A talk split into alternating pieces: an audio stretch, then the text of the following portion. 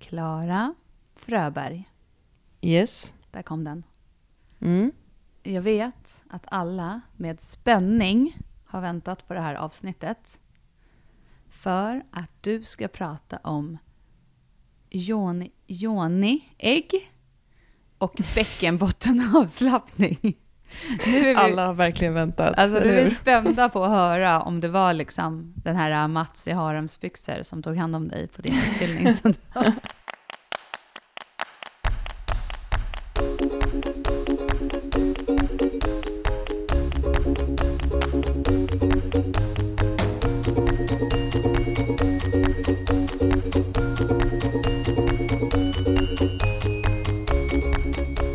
Berätta för oss hur det var på din eh, lilla kurs som du var på, i, som Eh, handlar om ja. bäckenbotten och avslappning. Just det. Ja, men det var i tisdags. Jag eh, anmälde mig, eller om man backar bandet så är det ju så att jag under en längre tid har försökt lära mig så mycket om, som möjligt om bäckenbotten. Och eh, vi har ju i podden tagit upp flera gånger det här med knipträning. Vi tog upp lite kort förra avsnittet om det här med eh, avslappning i bäckenbotten. Det kan ju vara så att eh, vissa kvinnor, till exempel efter förlossningsskador eller efter ett trauma eller bara helt enkelt beroende på vad man har för typ av kropp och muskulatur, går omkring och är lite spända i musklerna i bäckenbotten. Och det det. här kan leda till att till exempel bäckenbotten drar lite i iliopsoas, som höftböjaren heter. Eh, vilket kan leda till till exempel, alltså nu målar jag fan på väggen här, det här är verkligen överdrivet, men liksom det kan ju leda till att man som löpare till exempel får eh, ont i röven, eller ont i knäna till och med, för att allting är ju sammankopplat i hela bäckenregionen. Och bäckenbotten fäster ju både i höftböjaren och på framsidan av blygdbenet och sådär. Precis som alla andra muskler så kan ju också bäckenbottenmusklerna bli överspända. Mm. Eh, och vi pratar ju ibland om det här med muskelkontakt, speciellt nu när vi är inne i det här med rumpaktivering igen och rumpträning och våra rumpworkshops. Eh, och inom träningsvärlden så pratar man ju mycket om det här med mind-muscle connection. Och det är någonting som bodybuilders alltid har använt sig av. Alltså att när du, alltså en muskel kan ju spännas eller eh, slappna av. Och det kan ju vara så att man har till exempel en gammal skada eller att man bara inte kan uppfatta den här muskelkopplingen. Och det är därför vi förespråkar de här brännande pumpövningarna till exempel i ett rumpträningspass. För att eh, om du verkligen känner rumpmusklerna så kommer du också lättare kunna eh, aktivera dem när du tränar med dem också. Och så där är det med bäckenbotten också. Det är väldigt spännande och sådär. Och sen finns det ju då en del kvinnor som just har smärta och så kopplat kring en då överspänd bäckenbotten. Och jag har inte hittat så mycket information om det här. Och sen så sökte jag online efter om det finns någonting man kan liksom gå på för att lära sig mer om det här. Och det är ju såklart, det är ju inte många som sysslar med det här. Det är ju inte liksom det är ju inte som att eh, gå på en föreläsning om kost. Det kan du hitta 50 000 olika. Men då hittade jag det här stället som är, det är en kvinna som är massageterapeut i grunden. Men som har inriktat sig på eh, just höfter, bäcken och underliv. Och just med så här, missionen om att hon vill hjälpa fler kvinnor. Mm. För att hon själv, hon själv började i att hon fick en tredje gradens förlossningsskada. Jag tror att tredje graden är den svåraste va? Ja, Eh, ja, det där. Jag är inte helt insatt i det där. Nej, jag kan inte heller det, men i alla fall. Eh, och sen så, eh, och då, det här berättade hon då nu när jag var på den här kursen, och då var hon väldigt inne i yogasvängen. Och då var hon också väldigt inne på det här med massage. Och då själv hjälpte hon sin egen läkning med att massera sina, sin ärrvävnad och sådär, med olja väldigt mycket, direkt efter förlossningen. Eh, så det pratade hon en del om på den här kursen. Så jag gick på den här kursen och egentligen skulle jag ju vilja att liksom det fanns sådana här kurser kopplat till mödravården. För det är ju faktiskt ganska intressant att jag känner ju hur många, alltså själv har jag haft väldigt tur efter mina förlossningar. Alltså jag är verkligen tacksam för det. Jag har inte haft några som helst problem och inte ens behövt sy och sådär.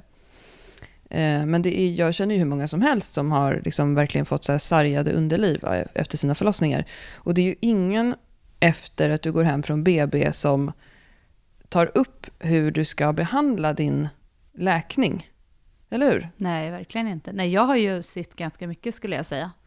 Eh, har in, jag har inte fått några problem efteråt, men jag har ju haft, liksom, liksom, e-, direkt efter har jag haft väldigt mycket smärta och problem av, av det.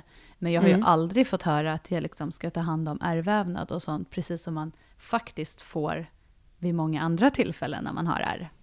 Ja, till exempel du opererar blindtarmen eller jag sydde ju mitt finger för typ två år sedan när jag skar mig eh, med, bara så med en kniv. Men eh, det, och det, är ju, det, fun- det hjälper ju en läkning att massera det området. För att det blir väldigt stelt i ett område där man har sytt och sådär. Och det här kan ju också orsaka smärta. Och får man smärta och man blir stel av det här, då kan man ju också bli spänd. Det är ju inte så konstigt. Alltså. Eh, så att en del i det hon gör, den här kvinnan, är att hon då masserar och mm. hjälper kvinnor som har ont.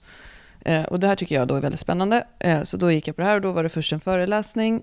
Eh, och sen så efter det så var det, man kunde välja om man gick på båda, så var det ett litet träningspass. Men, och grejen är att det, mm, den här kvinnan kommer ju också då som sagt från det här med yoga och massage och sådär. Eh, och alltså inte från vården.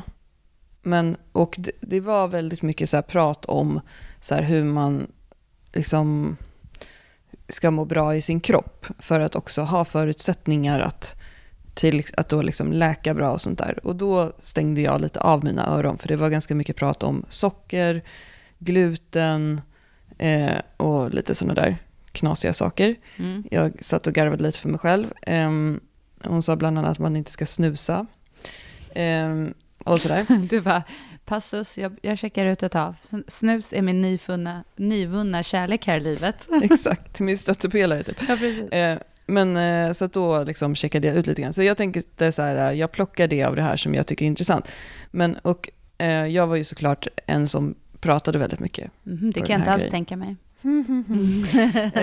eh, och ställde mycket frågor. För det som, det som jag tycker är intressant, Johanna, det är ju så här, en jättevanlig fråga du och jag får, kopplat till det här med bäckenbotten, det är ju hur ska jag veta om jag har ett problem, till exempel, säger ja. många till oss. Hur ska jag veta om jag behöver knipträna?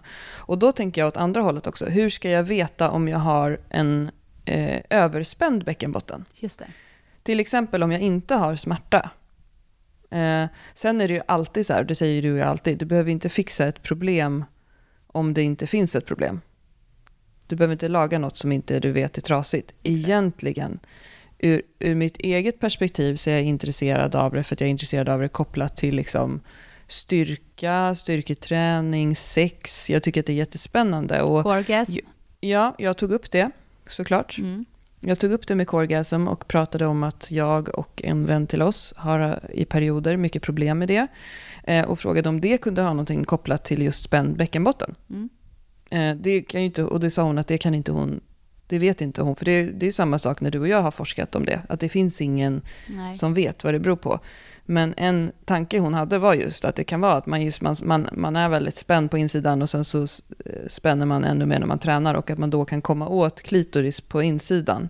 Som vi pratade om i förra avsnittet, att det är där G-punkten sitter. Det, att och att det då kan skapa någon slags mekanisk effekt. Mm. Och, sen, och jag har ju också så här, i liksom, perioder tänkt att jag kanske har en spänd bäckenbotten. Ja, och sen, det har ju också, ska vi lägga till då, eh, för både dig och mig, eh, varför vi också har reflekterat över det här är för att när vi eh, använder Elvi, ja. så är en av våra svårigheter med den träningen som man utför med en Elvi, mm. är att slappna av. För det är ja. ju också en del i den här träningen, i mm. banorna man ska göra, att man ska kunna slappna av. Och mm. att vi där upplever att båda vi hade väldigt svårt att göra det. Så där var ju också, då, när vi hade det så var det också så att det föddes en tanke kring varför mm. är det så här och vad kan det relateras till och vad, vad kan det leda till och vad, ja, vad spelar det någon roll? Liksom. Så, så det är ju också en del i allt forskande som du har gjort också. ja, så att um, det, och det, så det är de funderingar jag går omkring och har. Och just det här att så här, det kanske ju det skulle ju, jag förstår att det är omöjligt, men det skulle kunna vara, det skulle vara fantastiskt om jag kunde bemöta kvinnor som är mina kunder, som jag träffar, och veta liksom vad, de, vad jag ska rekommendera dem att göra om de har smärta, ont och spänningar i bäckenbotten. Och då finns det ju vissa fysioterapeuter, i, i Stockholm finns det några stycken, som jobbar med det här. Alltså de har som specialistinriktning just eh, obstetrik, heter det va? Mm. Underlivsfrågor. Eh, och sen finns det ju då den här sidan som jag gick på nu och det var för att det var den kursen som fanns som är lite mer åt så här självhjälpsterapi, eh, massage, yoga hållet. Och då får man ju som välja, eh, jag skulle ju som sagt jättegärna önska att det fanns ehm, fysioterapeuter som pratade om det här. Eh, och, att, och, just att kunna rekommendera kunder att gå dit. För att det är ju som sagt jättesvårt för oss att veta om, en, om vi har en... Alltså var fjärde kvinna lider av träningsinkontinens. Eh, det är vetenskapligt fastställt. Och att då veta vad det beror på är ju svårt. De allra flesta behöver ju knipträna då. Men det finns några stycken som kanske då istället skulle behöva jobba med um, att slappna av. Och då kan jag tänka mig att en sån här bäckenbottenmassage, som nu den här kvinnan som jag var hos också utför, är jättebra. För då kan man ju också lära sig själv hur man ska göra det på sig själv. Och en sak som jag tar med mig från den här kursen är att hon pratade om just det här att män håller ju på med sitt könsorgan hela tiden och ser det hela tiden. De tittar ju bara ner, de ser det ju varje gång de kissar. Vi gör ju inte det. Och det finns ju ett stort tabu inom, alltså många kvinnor och även kompisar till mig är så här, ja men jag tittar aldrig liksom på min yoni, som, de, som de kallar det inom, eh, inom yogavärlden. Alltså att man, man tittar inte på sitt kön, man undersöker inte sitt kön, precis som så här, du tittar kanske på din fot ibland eller så här smörjer in den och bara, ah, här, här kanske jag behöver fila lite eller så här, här har jag fått en sticka det, man, man, har inte den relationen till sitt kön. Vilket, och hon var också väldigt inne på att så här, det bästa vore om kvinnor var förberedda på det här innan en förlossning. Att man till exempel under graviditeten lär sig att jobba med avslappningsövningar, knipövningar och massageövningar för att liksom förbereda underlivet för det som komma skall och så vidare. Och allt det låter ju, eller tycker jag också är så här, det är klart att det är så.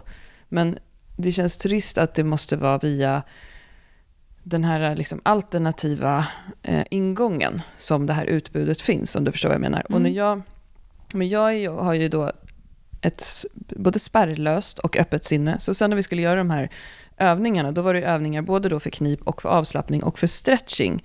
Av, och det var väldigt så här skonsamma, jättesköna övningar för till exempel då stretching av bäckenet, där man låg på rygg och liksom sträckte på benen och så här. Då fick man välja om man ville eh, ha jag köpte ju ett till dig och ett till mig, ett sånt där Joni-ägg mm. De var ju sig. fina liksom. Ja, de är gjorda av kristall och man skulle då välja det ägg som man drogs till. Ja, men det där är lite för flummigt för mig och det är ju för eh, flummigt för dig också. Mm, så jag tog ett till bergskristall och så här och det kan väl, ja. Men, och de är ju då... Vänta, vänta nu här. Du tog ett till bergskristall. Vad var det som gjorde att du drogs till det, Klara? Jag vet inte. Jag tyckte att det var genomskinligt, det verkade bra. Jag tog det lyxigaste till dig, Johanna. Jag vet, mitt, mitt var mycket lyxigare, för det var så svart då. Det var lite dyrare också. Aha. Men jag tänkte så att, att du skulle gilla det. Det gjorde jag, verkligen. Ja. Du känner mig. Ja. Men, och, och en anledning då varför hon jobbar med sten är just för att hon tycker att det är ett naturligt material och så här, ja, mm. hela det där. Som inte liksom, är så viktigt för mig. Jag stoppar upp och lite vad som helst. Nej, jag skojar. Nej, men, ähm, Nej nu slutar då, eh, var jag i alla fall den enda som testade att köra träningspasset med det här ägget i. Och jag var inte naken och det var ingen Mats där och det var ingen som tog på mig. Utan det var så här väldigt lugna, man fick liksom ligga, sitta och stå på en yogamatta mm. med kläderna på. Okay. Och då så här, och liksom göra så här höftlyft, eh, då olika stretchövningar, använda fötterna mycket för att spänna benen liksom, för att då Eh, de här äggen är ju då ganska tunga och då masserar man ju liksom insidan med det. Eh, så det var lite så spännande och kul. Och sen så tänkte jag att så här, jag ska fasen boka en sån här bäckenbottenmassagegrej. För jag, för jag känner så här, och då när jag har berättat det för olika kompisar så skrattar ju alla så att de dör. Och, och, och grejen också att det finns också en diskussion kring det här på nätet Johanna, om det är så att man köper sex när man, när man får det. Men det finns ju ingenting sexuellt med det här. Nej. Alltså, det handlar ju om muskler. Ja. Eh, men det är ju det att just att man går till en massageterapeut som gör att det blir lite så här weird. Ja. Eh, att man inte då går till en typ ja, en fysioterapeut eller en gynekolog som, som gör det. Men mm. jag tycker att det är så intressant att veta just så här, för jag känner att om jag inte kan veta själv hur min egen bäckenbotten är, hur min yoni är, mm. då kan jag heller inte förstå hur det kan vara för någon annan. Förstår vad jag menar? Ja, ja. Ja. Så jag tänker att om hon trycker på ett ställe och säger så här, på dig känns det så här. Då kan jag fråga så här, hur, hur skulle det kännas om jag var liksom för spänd eller för svag Ja, till exempel? Du gör det här som en liten del i din, ditt utvecklingsarbete.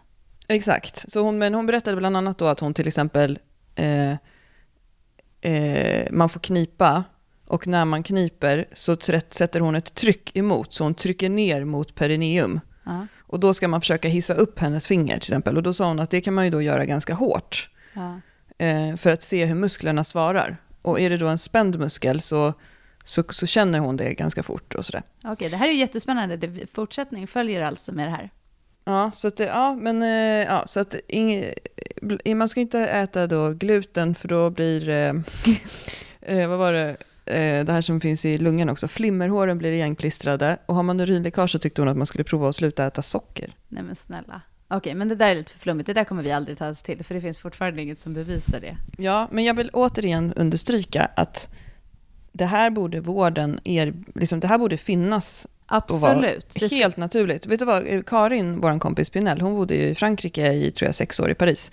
Och, när, och där, när man föder barn, då får man automatiskt via liksom förlossningen tio gånger hos en sjukgymnast som, ska hjälpa en, som hjälper en med en sån här uh, tensapparat som Mm. är till för just bäckenbotten.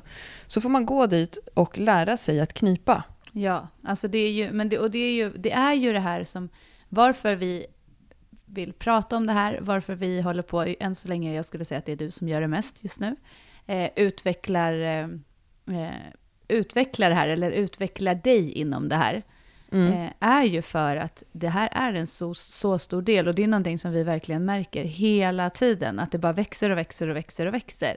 Att vi får Mm. frågor om det och vi inser också hur stort problem det är för kvinnor med bäckenbottenrelaterade eh, liksom skador eller eh, liksom dysfunktioner och så vidare. Mm. Eh, och just det här uh, att man inte ska, man ska inte behöva skämmas, Nej. Man ska inte behöva inte få hjälp. Alltså jag har ju också, liksom, en av mina bästa kompisar fick jättestora problem efter sitt tredje barn, där man hade råkat då sy fast insidan på utsidan så att säga på henne. Och vid en första konsultation så var det en läkare som bara sa, ja det syns ju att du har fött barn. Mm. Medan nästa läkare, så jag, jag var väldigt så här, jag hjälper dig med det här, jag stöttar dig med det här, så jag följde med henne. Gick till en eh, ny gynekolog som sa så här, men lilla gumman, hur har du haft det? Ja, exakt. Och det är det, det är här det liksom blir så här, okej, ehm, hur ska vi liksom förhålla oss till det här? Alltså vi måste, men, men också jätteviktigt att eh, få ut kunskapen till kvinnor. Alltså, och eh, er, jag vet inte, vi skämtar ju om det här att så här, om tio år så kanske jag är fittmassör. Ja, men det vore väl härligt om det nu finns någonting som visar att det kan hjälpa då.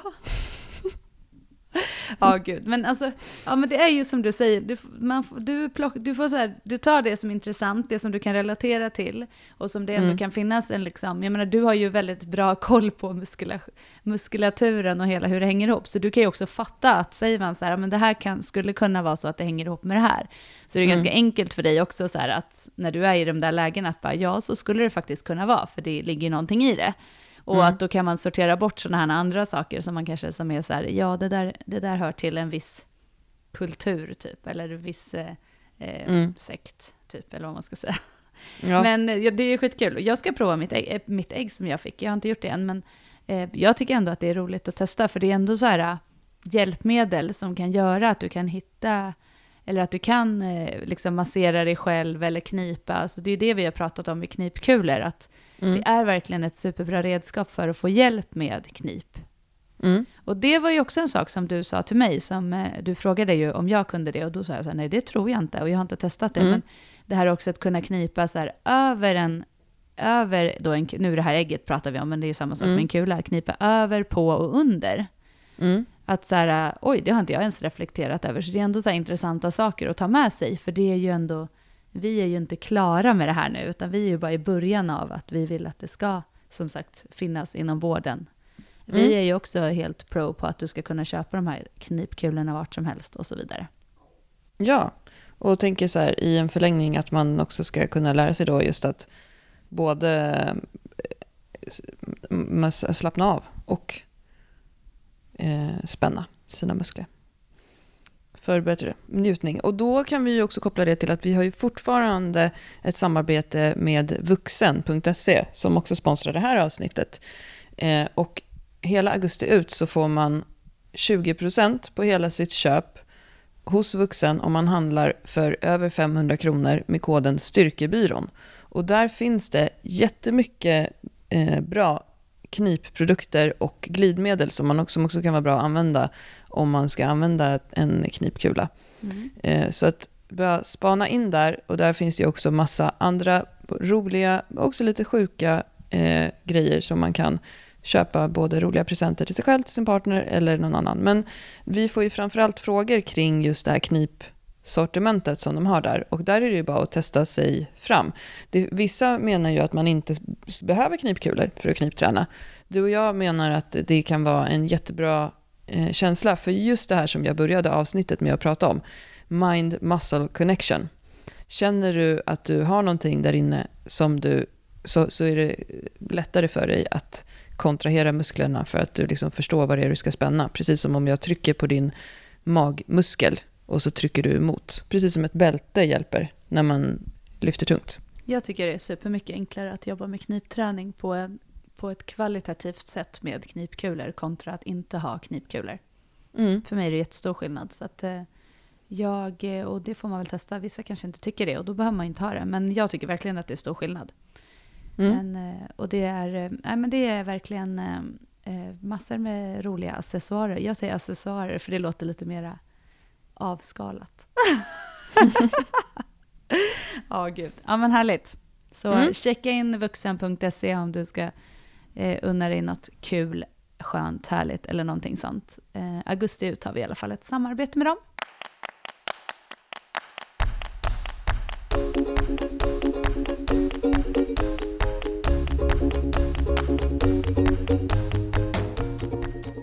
Hörru du, en annan sak som också är väldigt roligt. Inte, det, mm. var, det var inte lika avslappnande, eller det var väldigt jobbigt.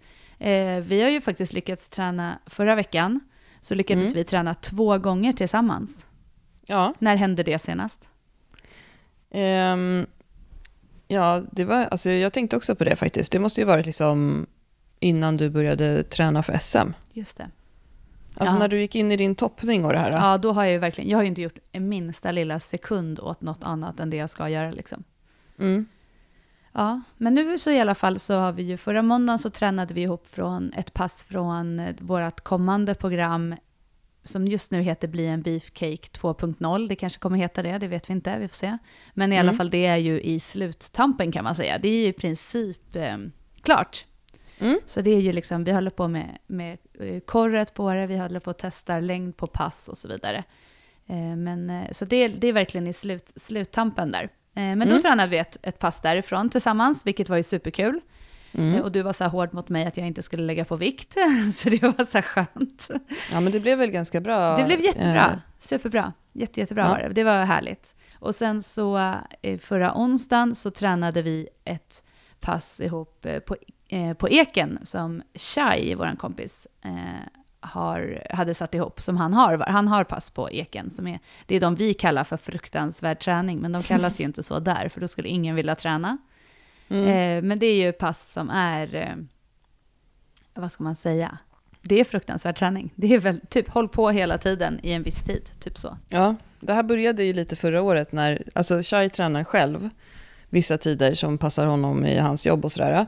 Eh, och sen så ville Anna också, Mandalaya, vår Facebook-admin, eh, träna på det här sättet som han tränar. Och så drog vi ihop, eh, och så brukar det vara med några kollegor till honom, som han, liksom, han uppmuntrar sina anställda att ta friskvård, vilket är jättehärligt. Och så började vi köra tillsammans. Och sen har det växt så att det då har kommit in på schemat på Eken. Jag tror att det heter Träna med chai på schemat nu. Ja, eller någonting. Och passen är eh, alltid att det finns en tidslimit den brukar vara 50 minuter, 45 minuter ibland, ibland 60 minuter. Och sen så är det att man har ett visst antal övningar som han skriver upp på tavlan och sen så gör man dem om och om igen, om och om igen, om och om igen. Så det är inte crossfit eller någonting. Jag tror Anna brukar kalla det för strongman crossfit typ. Det är mer som ett cirkelpass, men det är både lite lugnare, eh, det är absolut inte som en sån här metcon, men det är också lite tyngre på vissa sätt också. Mm. Och eh, jag brukar haka på eh, när jag kan. Och det tog mig ganska lång tid. Nej, inte jättelång tid. Jo, men jag, gick, jag gjorde verkligen fel i början med de där passen. För jag kan ju inte det här med pacing. Så jag eh, gick in och körde dem som att det var crossfit-pass i början. Och insåg ju ganska fort att om man ska hålla på i 50 minuter så kan man inte köra all in. Utan det ska vara typ prattempo under passen. Mm. Men ändå lite jobbigare. Ja. Eh, och du var ju skitduktig Johanna. Alltså för din, det har vi pratat om innan, att din liksom utmaning när det gäller det där är ju ditt pannben och att du eh, alltid kör hårt när det gäller och att du därför haft lite svårt för crossfit till exempel för att det blir så här tävling för dig. Men vi hade pratat så himla mycket om just att så här, nu är inte något läge för din kropp att maximera din prestation på det sättet utan tänk dig som att det är 50 minuters medelflåsträning.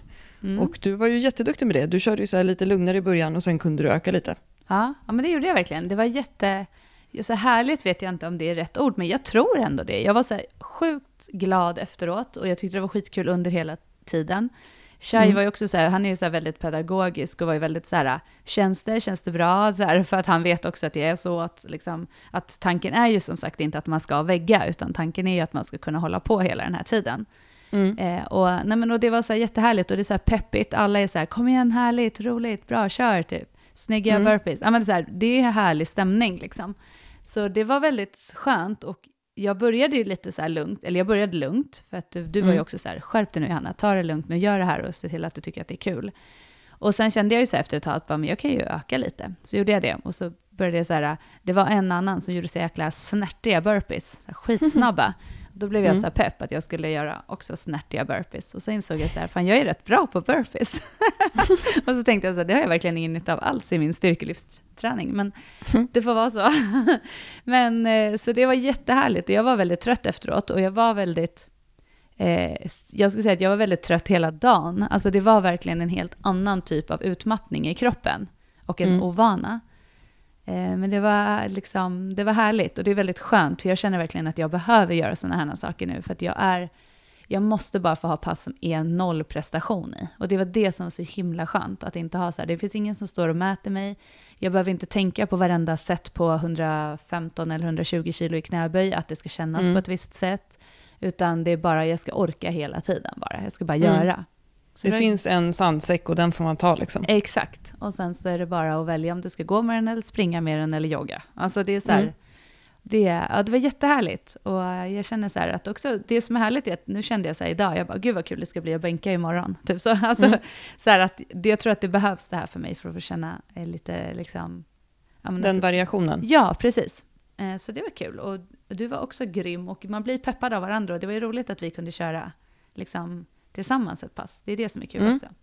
Ja, verkligen. Mm. Det, var, det är lite tufft um, att hålla på i 50 minuter tycker jag fortfarande. Jag kan känna att energin knoppar av där lite på slutet. Men det är ju det som också är, alltså, det, det, mentala är ju också en bra, för mig har ju det varit en jättebra utmaning som jag har tagit med mig till min övriga träning. Mm. Det mentala, att kunna pusha sig på det sättet. Jag, jag tänkte faktiskt att uh, jag skulle var lite faktabaserad. Så jag läste i boken Aerob och anaerob träning.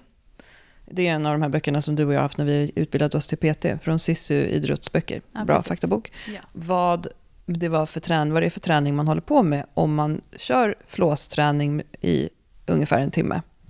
Och då, det man håller på med då är ju medelintensiv träning. Där man ligger på ungefär 70-85% av maxpuls. Och Eh, när jag läste lite ytterligare om det här så är det ju så att de allra flesta människor tränar för mycket. De flesta konditionsidrottare tränar för mycket medelintensiv träning. Alltså då pratar jag om privatpersoner som till exempel löptränar och sådär. Privatpersoner?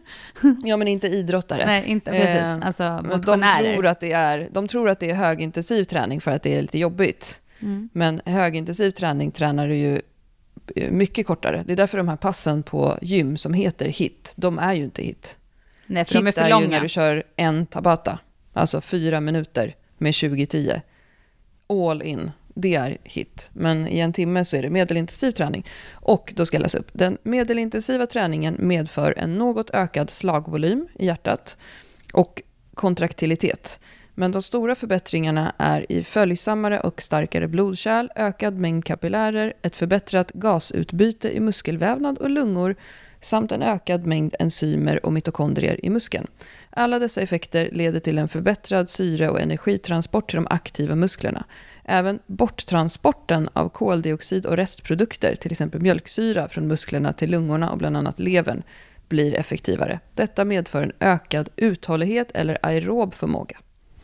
Mm. Eh, och det här är ju någonting som du och jag pratar om ibland, just det här att det kan vara bra även för en person som vill böja sin trippla kroppsvikt, att kunna syresätta och använda hjärtat i sin träning också. Och det här är också lite intressant. Jag ska inte gå in på det nu, Johanna, jag lovar. Mm. Men det har ju nu kommit ytterligare en studie på det här med eh, sarkoplasmisk kontra myofibral hypertrofi.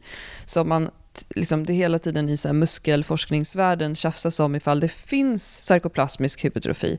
Sarkoplasmisk hypertrofi är primärt om jag slarvar och säger att det är när musklerna blir större, myofibral när man blir starkare. Men sen på senare år har mycket forskning gått åt att så här, det finns ingen sarkoplasmisk, vi tränar bara musklerna på ett sätt. Nu har det kommit en studie som återigen visar att det finns sarkoplasmisk hypertrofi och det man säger att det primärt är, är just eh, aerob eh, träning för musklerna. Alltså musklernas eh, förmåga att eh, bygga eh, storlek men också uthållighet.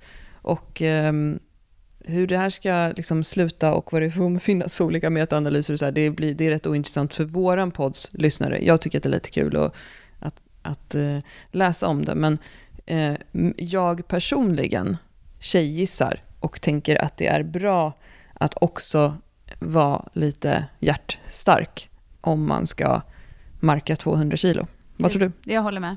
Det håller jag helt med om. Det är bra att ha ett bra hjärta, ett starkt hjärta som orkar lite mer. Mm. Verkligen. Eh, och sen så här, tränar man för mycket av allting så kommer man bli sliten. Så det handlar ju om rätt dos. Mm. Men ja, roligt. kul om du hakar på de här passen igen. Ja, och, men det ska jag eh, göra. Lite sånt ska jag göra har jag ju sagt. Som mer just feel good. En ja, timmes... Eh, eh, det, du märkte ju kanske det, för det, så är det för mig i de här passen i alla fall, att så här, första typ 10-20 minuterna, då tittar jag på klockan ganska mycket. Och så tänker jag så här, ah, nu är det 40 minuter kvar ja, så tänker av man passet. Så, shit. Och det är ganska jobbigt. Men sen på något sätt så händer det någonting och så går man in i någon så här... Andra Man bara kör. Mm. Man kommer in i ett bara, flow. Ja, och jag vet inte ens hur många varv jag gjorde igår. Men Nej. Det är det som är så eh. skönt, att man inte måste räkna. Det är exakt det där jag vill komma åt. För jag var ju så här, först tänkte jag, för eh, vad heter det, flera stycken tog ju fram så här, vad heter, jag tänkte så här rouletter, men vad heter det, så här, som man har när man spelar typ poker och sånt. Mm. Brickor ja, vad heter slag. det? Ja, sak samma. Ja. Vi har sådana, de har det där i alla fall. Jag tror att det är, man räknar olika varv och sånt i crossfiten, så är det så här lätt att ha och lägga sådana mm. när man har gjort ett varv. Och då tänkte jag marker, så här, spelmarker. Ja, spelmarker heter det. Och då tänkte jag så här, men gud nej, inte börja räkna varv nu, då kommer jag ju börja bli så att jag ska tävla. Sen bara, fast jag brydde mig liksom inte om det. Och så tänkte jag så här, det är skitsamma hur många varv vi gör. Alltså det spelar ingen roll, för det är inte det som är väsentligt för mig. Jag tror Tjej gör nog det bara för att se, han vill se hur mycket han har gjort typ och kunna så räkna, jag vet inte. Men jag var mm. så här, gud det spelar mig ingen roll. Och det var så skönt för att Eh, hade det inte varit, hade det varit någon annanstans, där jag inte hade varit liksom med er eller något, då hade jag ju stått där och räknat mina varv och pressat mig och pressat mig och pressat mig och pressat mig och pressat mig. Men mm. äh, det var så jäkla härligt. Jag var jätteglad efteråt och väldigt trött. När jag sov sen natten efter så var mm. jag så här, lite så här svettades, hade det här lite som man kan mm. ha när man har gjort någonting väldigt mycket som inte kroppen är van med. Så kan jag också få mm. när jag kör väldigt tungt marklyft och sånt. Inte lika mycket nu, men förut fick jag det jättemycket.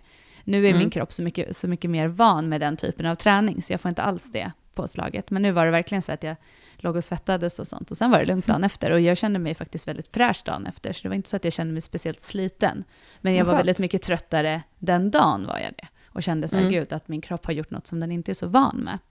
Mm. Så det var jättekul. Ja, men, men eh, skönt att du kände dig, eh, att det just kändes bra dagen efter. Det är också ett tecken på att du doserade rätt då. Absolut. Att du inte kände dig helt trasig och paj. Definitivt. Det tar jag som en positiv grej.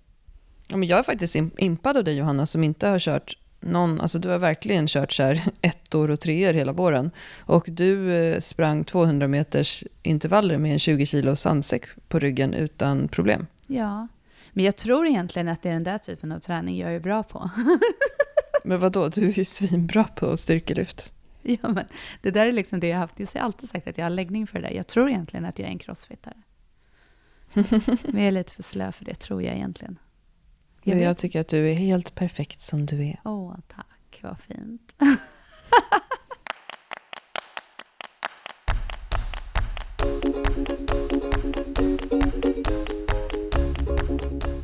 Du, Johanna, jag måste fråga dig en annan sak. Ja det får du. Eh, vad är det som händer det här med damkronorna inom ishockeyn? Damkronorna är ju ett benämning för ishockeyns eh, damlag. Så att damkronorna eh, är ju, heter det ju, eller vi kallar, det kallas damkronorna. Så det är alltså Mm. eh, svensk damhockey. Eh, ja, men häromdagen, i förra veckan, gick de ut i en eh, bojkott egentligen. De tackade nej till ett... Inom eh, hockeyn så spelar man nationsturneringar. Det brukar vara lite olika. När jag spelade så hette det fyra nationsturneringar. Då var det Sverige, Finland, USA och Kanada. Så mötte man alla de lagen som en liten miniturnering.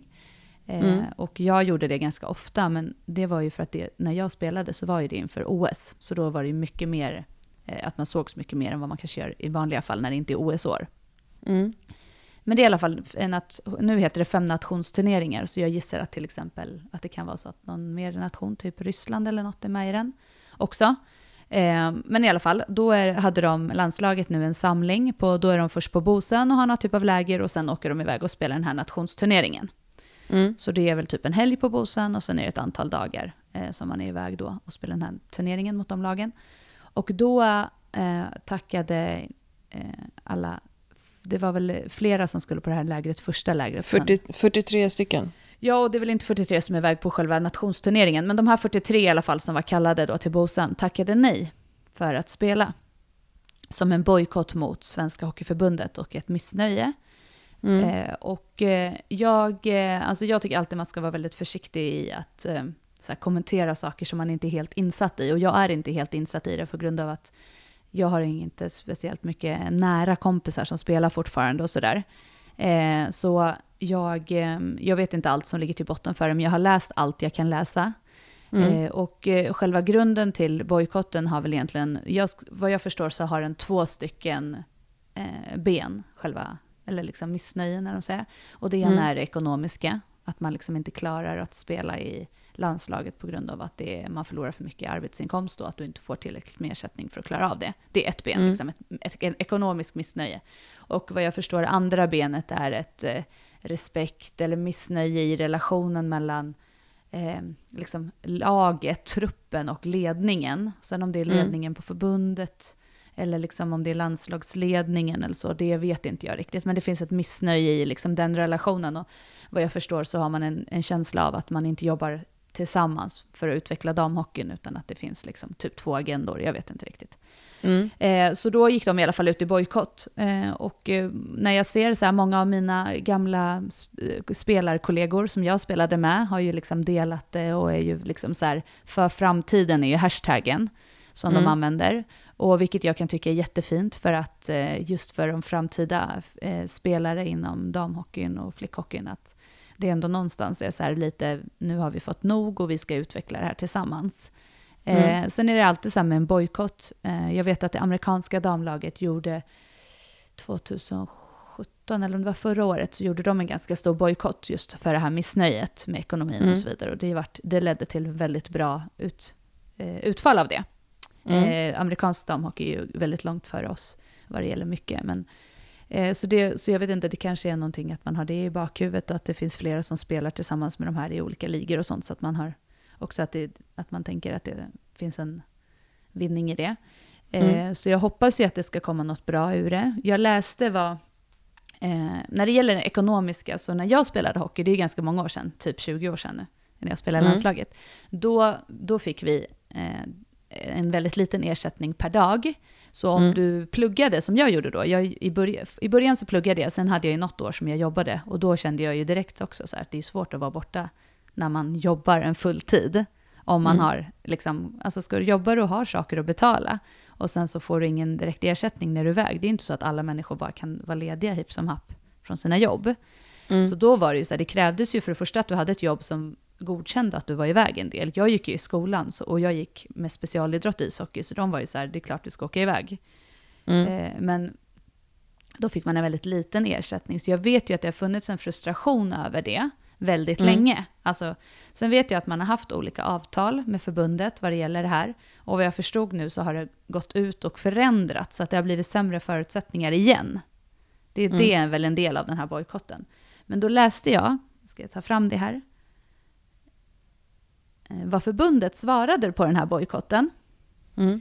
Och då säger, så står det så här, det här är alltså hämtat från Svenska Hockeyförbundets eh, hemsida och det är Tommy Bostedt som är generalsekreterare för Svenska ishockeyförbundet som har skrivit, så det här är ju liksom hämtat där. Och då står det så här, idag har Svenska ishockeyförbundet nåtts av beskedet att samtliga spelare som tidigare tackat ja till damlagets samling på Bosön 15-19 augusti 2019 och, den kommande land, och de kommande landskamperna i Finland har valt att tacka nej och utebli. Och då Mm. säger han så här, vi är förvånade över det besked vi nu nåtts av. Förbundet har inga ersättningar till några spelare i något landslag. Vi gör ingen skillnad på dam och herrlandslag. Den ersättning som spelarna har vid landslagssamlingar står respektive klubb för genom det avtal som Svenska ishockeyförbundet har med ligor och klubb klubbar på de högsta nivåerna, säger Tommy Bostad, generalsekreterare hos Svenska ishockeyförbundet. Och så står det lite om avtalet mellan förbundet och sådär. Eh, och att Mm. det här avtalet då som han pratar om, det är då att man har skrivit på att, att den högsta damligan då har, ehm, att det innefattar att de har möjlighet att utveckla och förbättra de ekonomiska förutsättningarna genom att själva disponera de kommersiella rättigheterna. Och då när jag läste det här, då blir jag lite så här, ja, att det är ju lätt för honom att säga så här att vi gör ingen skillnad på landslag, men då ska man ju också vara medveten om att samtliga herrspelare som spelar i de högsta ligorna är avlönade ishockeyspelare. Mm. De får ju inga avdrag från sitt jobb för att de är iväg och spelar landslagsturneringar. Nej. Alltså, bara där känner jag så här, oh, det är så mycket så långt kvar i alla fall. Så det blir Mm. väldigt fel att då säga ett så, en sån kontring kan jag tycka. Och jag blir mer så här, vad, hur, har kommit, hur har man kommit fram till de här avtalen? Men det är där jag känner att där kan inte jag gå in och kommentera, för jag har ju inte suttit i dem. Jag har ju inte hela bilden av de här avtalen. Men Nej. jag kan ändå känna så här att eh, så enkelt är det inte. Och det, handlar om en, det här handlar om att man måste så se på hel man måste skapa någonting för helheten. Det finns inga damklubbar, tror jag, som kan avlöna spelare när de är iväg. Så att det blir väl lite så här, och jag tror att missnöjet och allting ligger ju i, en stor del ligger ju i det här. Det här är ju någon diskussion som har pågått under många år. Och sen Mm. är det någonting som har hänt eh, som har gjort att det har spilt över nu. Och det är väl bra att det händer någonting. Sen så, jag tror alltid att det är viktigt när det blir sådana här bojkottar att man har en kommunikationsplan. Det vet ju du och jag som båda har jobbat med så här kommunikation Mm. att eh, det måste finnas en tydlig kommunikation eh, utåt, vad det är man vill och så, här, så att det inte blir för, för eh, eh, flummigt och att det inte, att, då, då blir det lätt att folk hittar sina egna slutsatser. Och det är väl det som är nu, för det som är nu är ju att, då, att de här, alla, alla i laget hänvisar ju till SIKO då, som är eh, spelarrådet, eller liksom de som har hand om, eh, precis som eh, alla så här, det finns ju Ja, men SIKO är ju då eh, deras fackförbund liksom, som, som är på spelarnas sida. Och då hänvisar de dit. Och jag tror i en sån här, i en sån här sak att det skulle vara väldigt bra om liksom någon som är eh, liksom, eh, ansvarig eller som kan hjälpa till och, och förmedla och kommunicera. Men som sagt, jag vet inte så mycket. Jag tycker att det är bra att det händer. Det behöver ju ändå hända någonting. Eh, Det är Mm. ju inte bara i, i hockeyn generellt, utan det är ju kanske damidrott generellt. Eh, Men det som jag blir så här glad, eftersom jag själv är involverad väldigt mycket i hockeyn och flickhockey, eftersom jag jobbar, eller jobbar, eftersom jag är med och utvecklar Ältas flicklag, så kan jag ju bara känna så här att det finns så mycket kvar att göra, det finns så mycket motstånd. Så att Mm. den som säger så här, jo men vi har ju kommit jättelångt, jo det har vi, vi har kommit en bit på vägen, men vi har mycket kvar när det gäller eh, det här med liksom jämställdhet inom idrott och så vidare. Så eh, det, jag är, på något sätt så är jag väldigt glad att det är en sak som händer och jag hoppas att det ska ge ringa på vattnet. Sen vad det bottnar i och varför, det vet jag inte riktigt, det kan inte jag kommentera. Men jag är väldigt glad för att det ändå är så här, för framtiden och för tjejidrott generellt så tycker jag att det är viktigt att, man, att det ställs krav liksom. Mm. Så får vi se. Men eh, ja, det är ju... Eh, saker händer ändå. Jag tänker att det är en del av, av, eh, av en utveckling som jag tror är väldigt positivt för många. Har du eh, pratat med dina döttrar om det här som båda spelar hockey? Inte bojkotten har vi inte pratat om. Jag tror att eh, de inte riktigt är där och förstår den. Men jag, eh, jag, vi, har ju mycket, in- vi har ju mycket prat om just så här med, med hockeyn och med liksom min eh, mellersta dotter har ju mycket generella funderingar kring så här tjej och killidrott, eller vad man ska säga. Mm. Eh, att så här, hon har ju mycket frågor om sånt. För att hon, hamnar, hon är en sån person som hamnar väldigt mycket i mitten av det där. För att hon Mm. är väldigt mycket i mitten. Det är ju rätt skrämmande när man tittar på, när jag har tittat på till exempel P3 Nyheter, la ut ett inlägg om det här på Instagram förra veckan. Ja. När man tittar på kommentarerna där så är det, det är mycket så troll såklart. Men Ja. alltså mycket puckade killar såklart också som bara, men då får de spela lite bättre då. Eller så här, det är ingen som går på de matcherna ändå. Alltså du vet alla de här idiotiska grejerna som blir så här, men titta på lite strukturer. Alltså, Ja, det det som, som när är du berättade för mig häromdagen om när du började spela hockey. Och du, eh, det fanns ingen tjejhockey liksom. Nej, Och du alltså, spelade ju med killarna. Och du var ensam tjej i laget och bytte om med dem, duschade med dem, körde med dem. Det fanns inte liksom något utbud. Det är klart att inte, alltså, det är klart att vi har olika förutsättningar. Och det handlar ju om att man från ett annat håll måste ta ansvar för att skapa bättre förutsättningar då. Ja, och alla sådana kommentarer som blir, det är ju så larvigt. Det, är ju så här, det blir Mm. ju på en så här konstig nivå. För det första så är det folk som förmodligen inte är insatta i någonting. Eh, Mm. Och då blir det ju bara så här, ja, alltså en stor del i den här diskussionen är ju också att det som skedde för i, nu ska jag se om det var i våras, det var ju att Svedam-kronorna föll ut från AVM. Alltså man förlorade den match som hade avgjort att man fortsätter att vara i AVM. Eh, Mm. Och då hamnar man alltså i en, i en sämre sektion som heter BVM. Och då är det så här, varför ska man nu då ha ersättning och så vidare.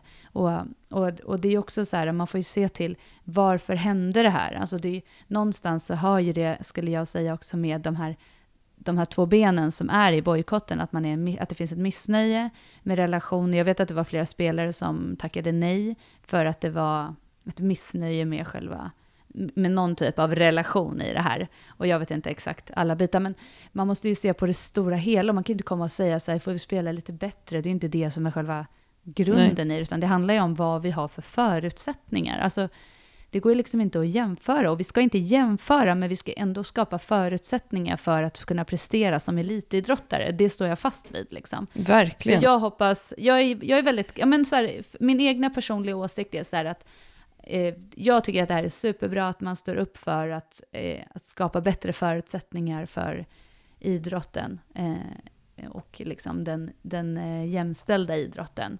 Eh, Jag tycker ändå att när jag, när jag har läst om allt det här och så, så är det ju det finns alltid folk, det finns väldigt många som har väldigt smarta grejer och det finns ju alltid flera infallsvinklar. Men jag vet till exempel att jag läste om det var i vintras, en jätteintressant artikel i typ DN eller det var väl någon sportjournalist eller så som skrev. Och där man skrev faktiskt tog upp det här med id, eh, skididrott, alltså långfärdsskidor. Eh, skidor. Så lång, Mm. ja. Och då handlade det just om det här att i, att i, där har man ju ingen eh, skillnad på kvinnor och män, utan där har man eh, lik, likvärdiga system, eller vad man ska säga, och de tränar Mm. ihop och så vidare. Och då var det ju faktiskt så att de största sponsorintäkterna gjordes av kvinnor, för att det var just, just nu så är, det, är de kvinnorna de starka inom, inom skid, Skidsporten. skidsporten. Eh, och eh, då gör ju inte de någon skillnad i att de har en bättre ersättning för att de presterar bättre och drar in mer sponsorer. Och då var, slutade ju hela artikeln med att så här, att, för då, det är ju ingen som ifrågasätter det. Och då framförallt män, för det är män som ifrågasätter när, när man tar upp och pratar om det här med att eh, idrott som kvinnlig idrott, att man med ersättning och sånt, då är det alltid män som skriver så här, "Öh, de har ju inga publik. Alltså, Mm. Det är alltid samma så här fjantiga kommentarer. Och Mm. då, kan, då blir jag också så här, ja men då avslutar de den här artikeln med att det var just så här, okej, så vad säger ni alla fotboll och hockeyfans? Eh, att där skulle man, skulle man då säga så här, herrarna får ingenting, eller de får mycket sämre ersättning för att de presterar inte på samma nivå, då skulle folk vara så här, men kom igen, det är klart de ska ha samma. Men när det gäller hockeyn och, och fotbollen till exempel, då är man så här, kom igen, de måste väl skärpa sig. Alltså, det är samma Mm. personer som säger de här kommentarerna, så de fattar ju inte, de är så jävla korkade, så de fattar inte ens själva vad de säger liksom. Mm. Eh, så ja, jag vet inte, summan, det är vad som har hänt och jag hoppas verkligen, verkligen att det kommer något gott ur det och att, att det kan föras en så här vettig eh, debatt om det. Jag tycker det är så att de som inte har något att säga, som bara ska liksom hålla på och säga så, de kan ju liksom hålla tyst, tycker jag. Mm. För det är fortfarande extremt ojämställt. Det är, den som säger något annat, den kan ju bara gå och gömma sig bakom ett berg eller något. Eh, så att, ja, förhoppningsvis så kommer det något bra ur det och, och att det finns en tydlig, liksom, tydlig önskan och liksom krav vad det är de, önsk, vad de vill få en förändring på, så att det finns en tydlighet att ta ställning till, hoppas jag. Mm. Men jag räknar med att allt sånt här finns. Det är bara att det, inte, det är klart som fasen att de inte lägger ut allting i media. Så är det ju med allting. Herregud, det är klart att man inte bara här är vårt avtal som vi vill ha. Eller liksom, så funkar det ju inte. Att det som står i media är ju bara en, en liten del av det som händer. Ja. Så det får man vara väldigt tydlig med, eller förstående med. Men eh, jag tycker i alla fall, jag är väldigt så här för framtiden och jag är väldigt pepp för mina tjejer och jag är helt säker på att när de kommer upp lite längre i åldrar och sånt, att de ska kunna eh, göra mer av det de vill med en jämställd liksom, bild av idrotten. Mm, jag tycker det känns väldigt peppigt om man tittar på damfotbollen. Som Ja, när jag verkligen. höll på och engagerade mig i eh, allsvensk damfotboll, vad var det, typ 2015, 2016 eller vad det var. Då, det känns som att det har hänt jättemycket bara på de här åren. Och otroligt kul tycker jag med till exempel tittarsiffrorna på tv som var nu under eh, VM. Där då eh, dammatcherna hade fler svenska tittare än vad herrmatcherna hade i förra VM. Och det tänker jag, det, det, här får man också svart på vitt i ansiktet på de här som bara, men det är ingen som tittar, det är ingen som är intresserad. Så tänker jag att det kommer fortsätta att sprida positiva ringar på vattnet och fortsätta hända mer grejer. Och det känns jättekul. Ja, och det känns så här, de känns ju, damfotbollen känns ju fräsch. Det känns så här äh, kul och de delar med sig. Det är en helt annan, man har en helt annan relation med det laget fast inte jag känner en enda människa. Eh, Mm. Och det är ju också så här intressant. Men, och det här är ju också, men, alltså det är också för några år sedan. Damfotbollen får man tänka på, den ligger före hockeyn när det gäller damidrott, alltså i utvecklingsmässigt. Eh, men man får ju också tänka på att det har ju förändrats, deras förutsättningar, eh, vilket också har skapat någonting. Alltså att Mm, så att det är ju liksom, det är en del i utvecklingen. Man måste ju våga satsa för att det ska också förändras. Man kan ju inte tro att vi väntar på att satsa till det förändras. Det är också liksom, det blir ju väldigt märkligt tankesätt. Så eh, det är ju jättekul. Och det är inte så att nu att vi bara, okej nu får inte herridrotten något stöd för dem. Vad har de presterat? Det senaste herridrotten gjorde som var någon typ av vettig eh, nivå, det var väl när de då kom till, när de kom trea 94, eller vad säger du Klara? Din, din favoritlåt? Ja, Ja. men typ. Ja, Nej, faktiskt. Det är ju lite så att så här, de har inte kommit på någon medaljplats efter det. Så 94 presterade de sist. Och det är inte så att man har då tagit bort allting. För då, alltså, så det, Mm. alltså, om man ska gå- hålla på så här så blir det bara, det blir så här sandlådenivå tycker jag. Man måste se till, storhet, till det stora och till helheten. Att man måste skapa förutsättningar för de som ska vara elitidrottare. Så är det bara tycker jag. Ska vi ta en eh, sista liten eh, lyssnarfråga? Ja, det ska vi göra. Då ställer jag en fråga till dig, Klara, som får avrunda det här snacket. Hej, jag har köpt ett rövband men vet inte riktigt hur jag ska göra. Har ni några tips på hur jag kan använda det i min träning? Precis. Vi har ju märkt att vi har sålt jättemycket rövband i sommar och så har vi också haft en kampanj med dem och så här kopplat till rumpboken. Och det är jättekul. Och vi älskar ju de här banden för de ger en extra addering till den övriga styrketräningen. Och du kan också använda dem precis som de är och bara träna med dem. Det du främst tränar är ju alltså sätesmuskulaturen, det vill säga rumpmusklerna. Och när man har ett band runt till exempel knäna eller runt eh, anklarna, som vi oftast har banden, då skapar du en, ett tryck i den som vi kallar för den abducerande belastningsriktningen, vilket är så här, snark, skjut mig, eh, vad pratar du om? Det handlar ju om att du skapar ett motstånd i, när du särar på benen. Det som man brukar träna på gymmet i sån här maskin, eh, gynstolen eller vad fasen den heter. Eh, och om du tränar eh, med en abducerande belastningsvinkel när du gör en annan vanlig övning så får du alltså extra belastning för rumpan. För det är så att det finns flera muskler i rumpan som är ehm, huvudsakligen involverade i vår styrketräning. Och den stora rumpmuskeln, gluteus maximus, kroppens största muskel, jobbar primärt i höftsträckning. Och det gör man till exempel när man gör ett marklyft eller en good morning, eller när man ställer sig upp ur ett knäböj. Sätter du då ett band runt knäna så får du också trycket utåt med knäna åt sidorna och då aktiverar du fler muskler i rumpan, till exempel gluteus medius.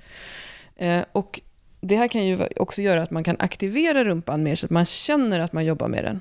Och det finns massa bra övningar som man kan göra med dem. Men till exempel kan man göra hip thrust med bara bandet. Eh, man kan göra sätesbrygga, så när man lägger på golvet och sätter bandet runt knäna. Du kan då sätta det runt anklarna och göra sidogång. Eh, I alla de här övningarna så är det viktigt att man pressar knäna utåt sidorna. Alltså att man inte låter knäna falla in, för då tappar du ju anspänningen i bandet. Och du och jag säger ju ofta på våra workshops, när folk gör den här sidogången, att bandet får inte bli slappt när du går åt sidan, utan tryck knäna utåt så att du känner att du aktiverar musklerna på sidan i rumpan. Eh, du kan göra sidosparkar, eh, alltså att du står upp och bara har bandet runt anklarna och jobbar. Du kan också sitta ner på en bänk och sätta bandet under knäna och bara pumpa utåt. Men vi använder den mest med våra kunder till hip thrust. Att vi adderar ett band som skapar belastning från två håll. Det vill säga horisontell belastning med stången och sen abducerande med bandet. Eh, det finns massa bra övningar på vårt Instagram. För vi lägger ofta ut just rumpövningar. Och sen kan man också såklart kolla in rumpboken. Så vi gillar verkligen de här gröna banden vi säljer. För de kan man använda till alla de här övningarna. Mm, en av mina favoritövningar är faktiskt sidogång. Ja. Som du, den sa ju du, men den, den gillar jag jättemycket. Jag gör den nästan alltid innan mina knäböj. Mm. Jag gör alltid en övning i, alltså en, en lateral övning och en horisontell övning. Precis, och just för att eh, aktivera alla musklerna i rumpan. Det känns mycket bättre att knäböja om man har värmt upp rumpan efteråt. Eh, och vi har ju workshops om det här nu. Nu är ju tyvärr den i Göteborg som vi har lagt ut full, men det kommer komma fler, det lovar vi. Ja, men mycket... Och när man gör de här höftlyften, eller det, jag kallar dem för höftlyft nu på svenska, det vill säga att du eh, ligger, eh, att du gör lyft med höften. Det kan du ju göra på olika sätt, det är därför de heter olika. Men du kan ha ryggen på en upphöjning, du kan ha fötterna Mm. på upp, upphöjning, du kan ha Yes. både rygg och föt, på- fötter på upphöjning och få en större rörelse. Men det som de har gemensamt är ju då att du hela tiden ska jobba med eh, pre, att pressa ut knäna så att du är, i hela rörelsen när du jobbar är, liksom, har ett spänt band. Mm. Eh, så att det inte blir att, eh, att det blir slappt då, för då använder du ändå inte bandet. Och det är också anledningen till att du kan inte ha ett för hårt band, för då kommer du inte orka hålla emot. Och då kommer det bli, till exempel när du gör dina höftlyft så vill du gärna att knäna egentligen är utanför fötterna. Blir det otydligt om jag säger så? Ja, men till exempel om du ligger ner på golvet och böjer på knäna, så att du har Exakt. fötterna i golvet. Då Då, vill fötterna- du trycka ut knäna åt sidan. Ja, så du har lite smalare mellan fötterna och så trycker du ut knäna och då ska du trycka hela tiden. För då skapar du hela tiden ett tryck i din rörelse. Mot bandet. Så, ja, mot bandet. Så därför behöver du ett band som du kan töja lite. Det får inte vara för Mm. hårt. Men, Och inte för mjukt heller. Nej, för, för är det för mjukt då kommer du kunna trycka isär jättemycket och då kommer du inte känna att du får det, att det fyller det syftet som, som det ska göra. Men Bra. kolla in Insta, kolla in vår YouTube-kanal. Där finns ju Mm. alla övningar också. Så uh, fortsätter vi att tipsa med bra övningar med miniband. Ja, grymt. Du, vi Mm. hörs igen på måndag och sen är det dags för lite nördiga korta avsnitt också snart. Ja, de drar vi igång snart igen. Ja, Bra. puss på dig. Ha det så bra. Hej då. Puss, hej.